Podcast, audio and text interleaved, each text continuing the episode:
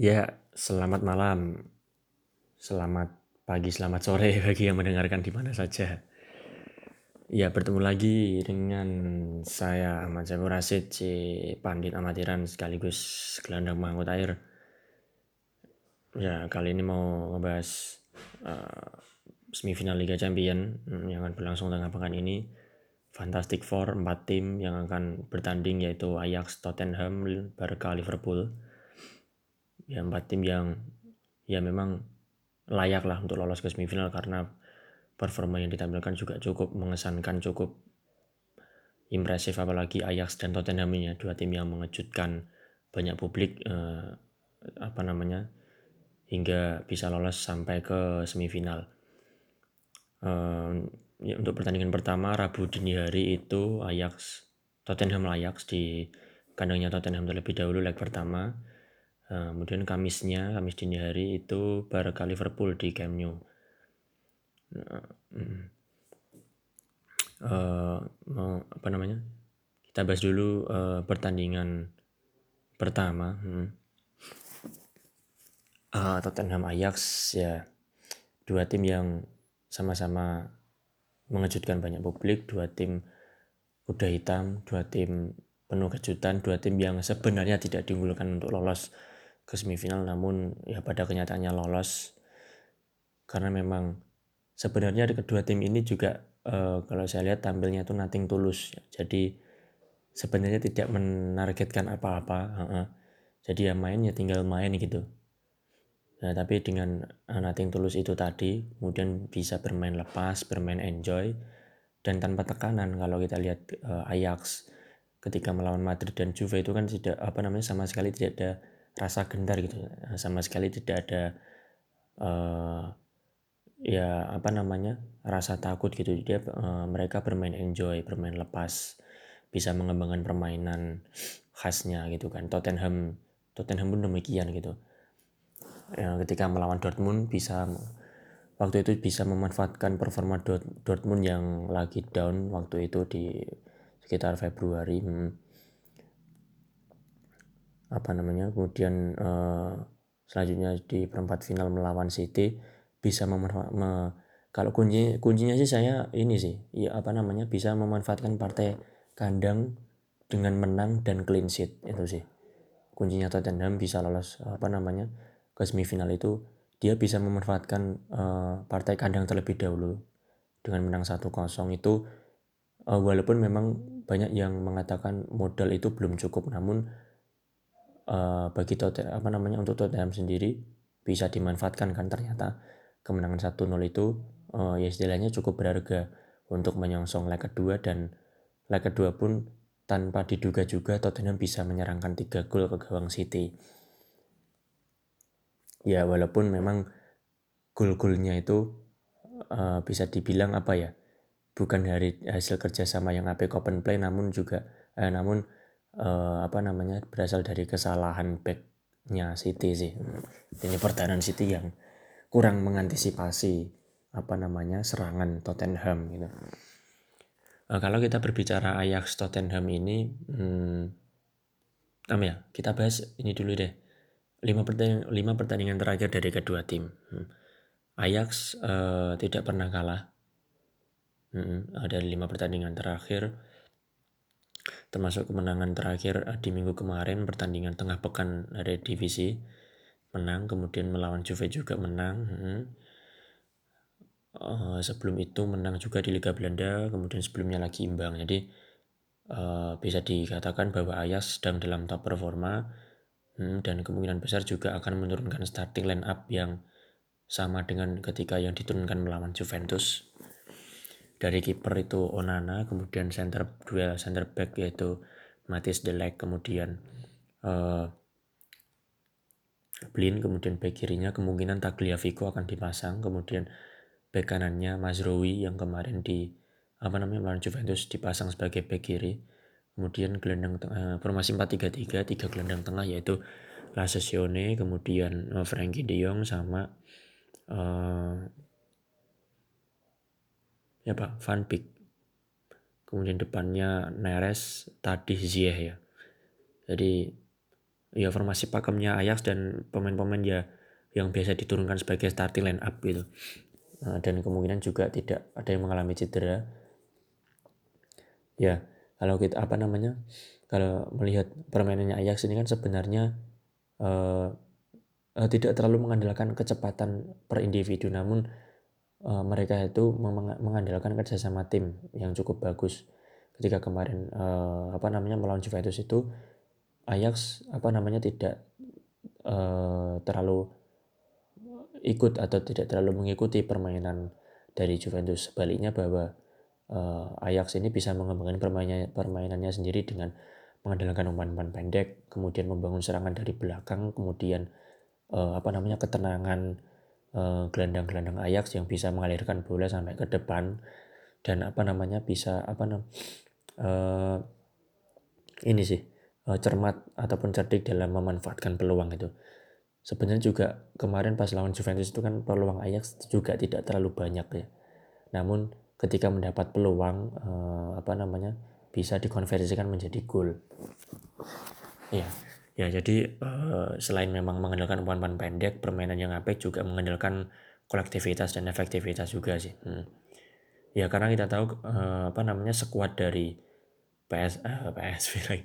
Ajax ini kan uh, salah satu skuad yang paling muda di antara keempat tim semifinal uh, rata-rata usia 24 tahun jadi apa namanya ya uh, tepat itu uh, permainan yang ditampilkan dengan pemain-pemain muda dengan stamina yang masih cukup bugar itu kan dengan menampilkan permainan-permainan pendek kemudian uh, membuka ruang kemudian ya apa namanya jarak antar pemain pun juga tidak terlalu jauh gitu antara belakang, tengah, tengah, depan.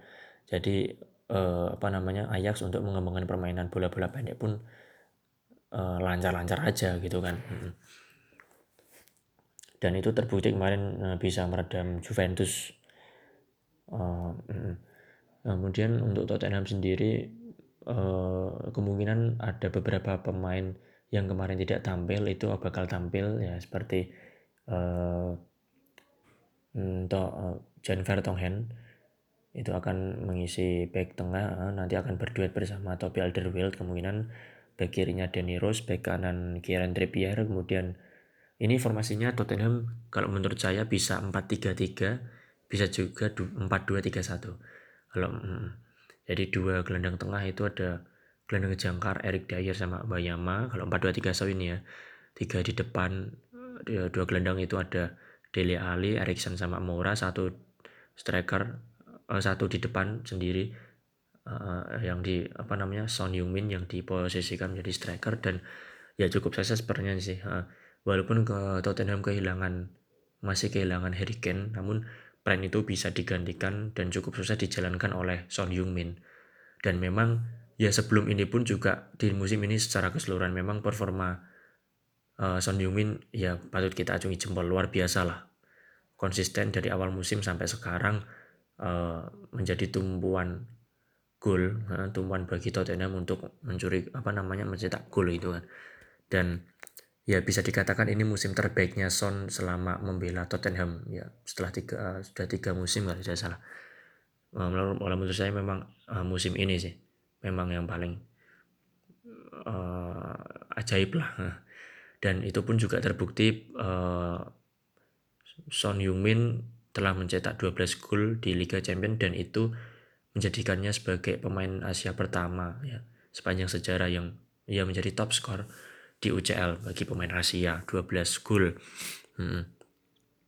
Dan ya praktis memang setelah apa namanya kehilangan uh, kehilangan Harry Kane ini sebenarnya juga menjadi salah satu kerugian bagi Tottenham kan mengurangi daya gedor bagi lini depan Tottenham namun uh, problem itu bisa apa namanya bisa dapat diselesaikan karena performa mentah, performa tokcernya si Son Heung-min jadi yang biasanya uh, diposisikan sebagai gelandang serang ataupun gelandang sayap namun ketika diposisikan sebagai striker pun juga apa namanya bisa langsung oke okay gitu di posisi barunya. Namun eh, apa namanya kalau memang Tottenham mengalami kebuntuan memang masih ada dua nama di bangku cadangan yang berposisi sebagai striker yaitu Fernando Llorente yang kemarin mencetak gol yang ya bisa dikatakan gol beruntung lah kemarin pas lawan City. Kemudian ada Vincent Janssen. Nah yang unik adalah apa namanya kan kita jarang sekali ya apa namanya melihat Vincent Janssen turun karena sudah lama sekali ya berapa uh, musim kemarin atau musim dua musim sebelumnya ya terakhir main itu. Dan kemarin pas lawan West Ham itu uh, Vincent Janssen main uh, turun apa namanya masuk sebagai pemain pengganti. Hmm. Ya itu sih opsi yang dipunyai oleh Tottenham ketika nanti uh, sulit menembus pertahanan Ajax bisa mengandalkan dua pemain cadangan itu. Dan ya kalau kita lihat secara keseluruhan dua tim sebenarnya sama-sama tim yang menyerang eh, tidak ada yang apa namanya istilahnya bertahan tidak ada. Namun uh, tentu uh, apa namanya jelas Tottenham ingin mengambil inisiatif permainan terlebih dahulu uh, gini catanya uh, namun kalau misalkan Tottenham tidak bermain dengan rapi kemungkinan besar bola akan berpindah ke Ajax dan bakal dikuasai oleh Ajax sih uh, jadi uh, jadi kemungkinan walaupun nanti akan men, apa namanya mengambil alih permainan melakukan banyak serangan namun tetap efektivitas dan position game uh, berada dalam uh, jangkauan Tottenham eh jangkauan Ajax sih kalau menurut saya hmm. Karena ini sih pemain-pemain Ajax ini pandai memegang bola gitu loh. Hmm, jadi ya ya bakal karena memang ya sepak bola Ajax, Ajax kan dari dulu memang seperti itu. Jadi main juga possession ball hmm dan kalau kita lihat kemarin pas lawan Juve pun Juve tidak berdaya dengan ya apa namanya possession ball-nya si Ajax gitu kan. Kalau saya prediksi untuk leg pertama, kalau menurut saya sih bakal sulit sih soalnya juga Tottenham kalau di kandang, kalau di Liga Champions utamanya itu cukup baik loh performanya. Walaupun di Liga memang agak terombang ambing. Seakan-akan tidak mau posisi Liga Champions kan. Tapi kalau di Liga uh, kalau di musim ini di Liga Champions uh, Tottenham hanya kalah melawan Barca di kandang. Selebihnya men, uh, menang. Dan ya apa namanya? Bakal mengalami kesulitan juga karena Ajax justru malah bagus ketika bermain tandang. Jadi pada 16 besar dan perempat final kemarin uh, apa namanya Ajax berhasil comeback gitu dan comebacknya di kandang lawan, menangnya di kandang lawan. Ketika bermain di Amsterdam Arena di kandang sendiri itu malah justru uh, apa namanya tidak ber, tidak bisa meraih hasil maksimal itu kalah melawan Madrid 1-2 dan imbang melawan Juve 1-1 jadi ya sebenarnya dari ya dari di atas kertas ya sebenarnya Tottenham bisa meng, memanfaatkan lah kondisi ini kondisi dia menjadi tuan rumah gitu kan dengan meraih uh, poin penuh meraih ya apa namanya keunggulan agregat terlebih dahulu gitu kan. Karena kalau ya karena kalau udah unggul terlebih dahulu jelas praktis akan mudah untuk di leg kedua gitu kan. Namun jelas itu tidak akan hal menjadi hal mudah bagi Tottenham karena ya kita tahu kembali lagi Ajax bermain dengan kolektivitas permainan tidak mudah kehilangan bola kemudian jarak antar pemain rapat jadi ketika satu pemain kehilangan bola langsung dipres oleh beberapa pemain hmm. Kalau menurut saya sih hmm, Tottenham bakal unggul ya paling tidak satu hmm, lah satu gol. Hmm. Ya kemungkinan imbang bes ya cukup besar sih. Ya. Tapi saya kalau feeling saya sih agak condong ke Tottenham. Kalau untuk leg pertama sih, kalau leg kedua jelas Ajax. jelas Ajax kalau leg kedua. Kemudian kita beralih ke Eh, partai yang kedua yaitu Barcelona melawan Liverpool. Ini juga partai berat, saya. saya sebagai pendukung Barca eh, mengakui ini sebenarnya harusnya ini partai final bukan semifinal. Jadi partai ini semi rasa final itu. sebenarnya tahun kemarin kalau Barca lolos ke semifinal itu juga bakal melawan Liverpool kan. Namun kalah melawan AS Roma ya. Ya, ya itu kan masa musim kemarin kita tetap musim ini dan musim-musim selanjutnya. Barca sudah mengantongi gelar juara Liga Spanyol, praktis fokusnya tinggal Copa del Rey dan UCL yang ter dan ya apa namanya Copa del Rey masih lama sekitar Mei dan fokusnya sekarang tinggal satu hanya UCL dan memang eh, apa namanya saya lihat tadi di Instagram salah satu postingan itu uh, Messi sih. Messi mengatakan bahwa sebenarnya gelar yang dibutuhkan untuk musim ini tidak Liga, tidak Copa del Rey, namun adalah UCL. Karena sudah ya empat tahun lah kan. Terakhir 2015, kemudian tiga edisi selanjutnya dikuasai oleh Madrid. Jelas tahun ini kesempatan besar bagi Barca untuk memenangi UCL, sekaligus juga berpeluang besar untuk memenangi treble. Dan itu bisa apa namanya? Dan itu dimulai Kamis dini hari nanti dan kemungkinan besar ya bisa meraih paling tidak keunggulan satu gol sih melawan Liverpool. Walaupun dari catatan pertemuan hmm, di pertemuan terakhir Liga Champions itu musim 2006-2007 ketika Liverpool itu melaju ke final kalah melawan Milan finalnya itu di perempat final atau 16 besar itu Liverpool mengalahkan Barca nggak mengalahkan sih agregatnya dua-dua sama namun ketika di Camp Nou Liverpool berhasil mengalahkan Barca 2-1 sebaliknya di kandangnya Liverpool, Barca berhasil menang 1-0. Jadi agregat 2-2 namun Liverpool uh, apa namanya? agresivitas gol tandangnya lebih unggul. Itu pertemuan terakhir di Liga Champions.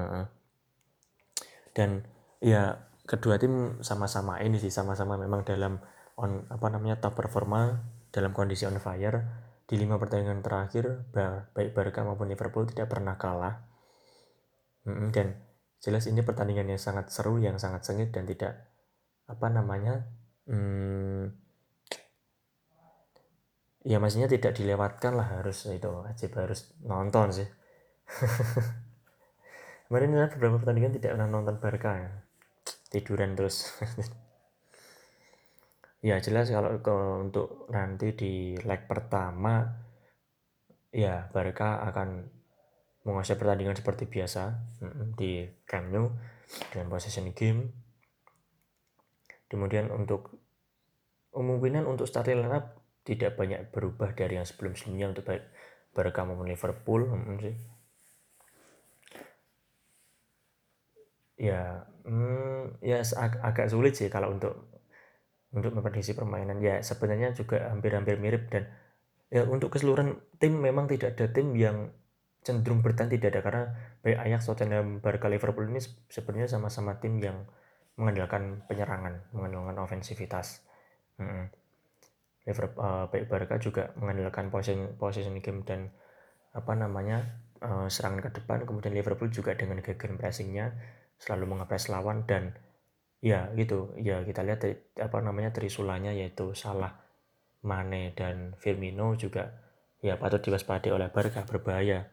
Karena memang tiga pemain kalaupun memang tiga pemain ini apa namanya deadlock tidak bisa minta gol uh, masih ada biasanya Wijnaldum, Shakiri, kemudian juga uh, apa namanya ada tambahan amunisi bagi Liverpool yaitu Alex Oxlade-Chamberlain yang kemarin melawan Huddersfield sudah turun, sudah tampil kembali, sudah comeback, turun sebagai pemain cadangan.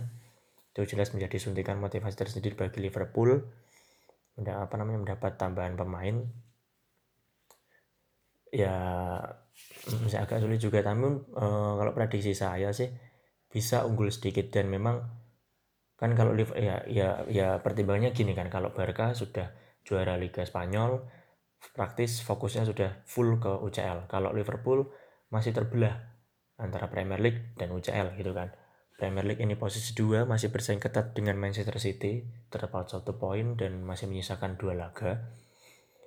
Jelas uh, Liverpool akan dipusingkan dan ya memang kalau menurut saya sih memang harus memilih sih. Dalam situasi seperti ini juga Liverpool harus memilih dan harus mengorbankan salah satu mau milih Champion atau Premier League. Tapi kalau feeling saya sih lebih milih ke Premier League di Liverpool karena sudah lama gak juara udah hampir 29 tahun gak juara Premier League Liverpool jadi ya kalau saya juga Liverpool juga bakal tampil habis-habisan di leg pertama apalagi kalau di leg pertama hasilnya kurang memuaskan jelas uh, di Anfield akan uh, tampil garang sih.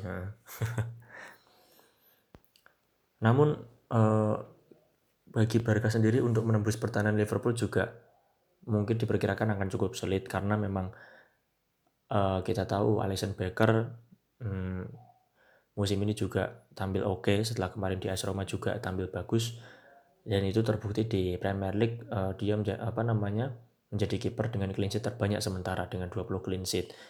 Kemudian di depannya di barisan pertahanan juga uh, cukup baik Liverpool. di lima pertandingan di Premier League eh di Premier League itu hanya kebobolan dua atau tiga gol saja sih dan salah satu pemain yang menjadi faktor kunci di lini pertahanan yaitu Virgil van Dijk yang barusan tadi malam ya barusan hari hari Senin dini hari atau minggu waktu sana itu mendapatkan penghargaan PFA Player of the Year. Uh, jadi pemain terbaik dari asosiasi pemain apa namanya asosiasi profesional pemain profesional di Inggris. Hmm. Ya uh, ya bisa dibilang ya juga pantas sih kalau Virgil van Dijk memang menjadi pemain terbaik karena memang performanya musim ini juga ya bagus kalau kita lihat ke apa namanya rasio kebobolannya Liverpool semenjak ada uh, kalau semen, apa namanya Al, uh, Virgil van Dijk main itu uh, kecil gitu loh. Hmm. Jadi ini jelas uh, apa namanya hal yang menyulitkan bagi Messi, Suarez dan Coutinho. Hmm. Dan uh, kalau dilihat kemungkinan besar memang malah Liverpool akan sedikit bertahan sih. Uh, uh, kemudian yang apa namanya kemudian akan mengandalkan serangan balik kalau menurut saya karena semua tim jelas kalau di Barca itu eh, di kandang Barca Barca akan apa namanya memegang kendali permainan dan jelas lawan itu mau tidak mau ya bertahan dan mengandalkan serangan balik itu sih. Kemudian untuk susunan pemain sendiri sih untuk Barca Ter Stegen kiper dua back tengah hmm, Peike Lenglet, back kirinya Alba, back kanannya Sergio Roberto, tiga tengah uh, Busquets, Rakitic, Arthur, tiga depan masih Coutinho Coutinho sih. Coutinho, Messi, Suarez. Hmm, untuk Dembele sih masih belum terlalu ini sih tune in ke dalam permainan Barca jadi kemudian masih di cadangan dan ya bakal dimasukkan di babak kedua sih. Untuk Liverpool, Alisson Becker dua back tengah kemungkinan yang menemani Virgil van Dijk itu uh, Joel Matip sih kalau menurut saya. Karena kemarin di pertandingan melawan Huddersfield, Dejan Lovren sudah main dan ya tipikal dari apa namanya uh, Jurgen Klopp ini biasanya suka apa namanya rotasi pemain di back kiri Andrew Robertson, back kanan Alexander Arnold, tiga tengah Henderson, uh, Henderson, Wijnaldum, Nabi Keita, tiga depan Mane, Salah, Firmino. Ya, ya starting lineup ini memang sudah apa namanya starting lineup terbaik bagi mereka berdua dan ya kita tunggu saja sih uh, apa namanya Rabu dan Kamis dini hari nanti. Semoga ya bagi pecinta sepak bola kita di apa namanya disuguhi disajikan dengan permainan yang berkelas permainan berteknik tinggi. Tidak apa namanya ya main uh, apa namanya terlalu bertahan atau gimana saling menyerang saling serang saling berbalas serangan itu yang akan menjadikan pertandingan di semifinal ini lebih seru sih. Oh iya prediksinya sih kalau di Camp kemungkinan Barca masih unggul selisih satu gol. Kalau di kalau di kandangnya Liverpool ini juga agak berat sih. Apa namanya Barca sebenarnya di partai tandang itu juga tidak terlalu baik. Kemudian ya kebanyakan itu berhasil menahan imbang. Jadi kemungkinan sih uh, apa namanya di Anfield nanti ya kemungkinan jelas ya penguasaan bola malah bakal dikuasai oleh Liverpool. Sesekali Barca mengandalkan ya tetap memegang bola tapi tidak sesering Liverpool nanti ya itu sih mungkin uh, sedikit dari saya untuk mengenai preview semifinal Liga Champion hmm, kita nantikan saja pertandingannya. See you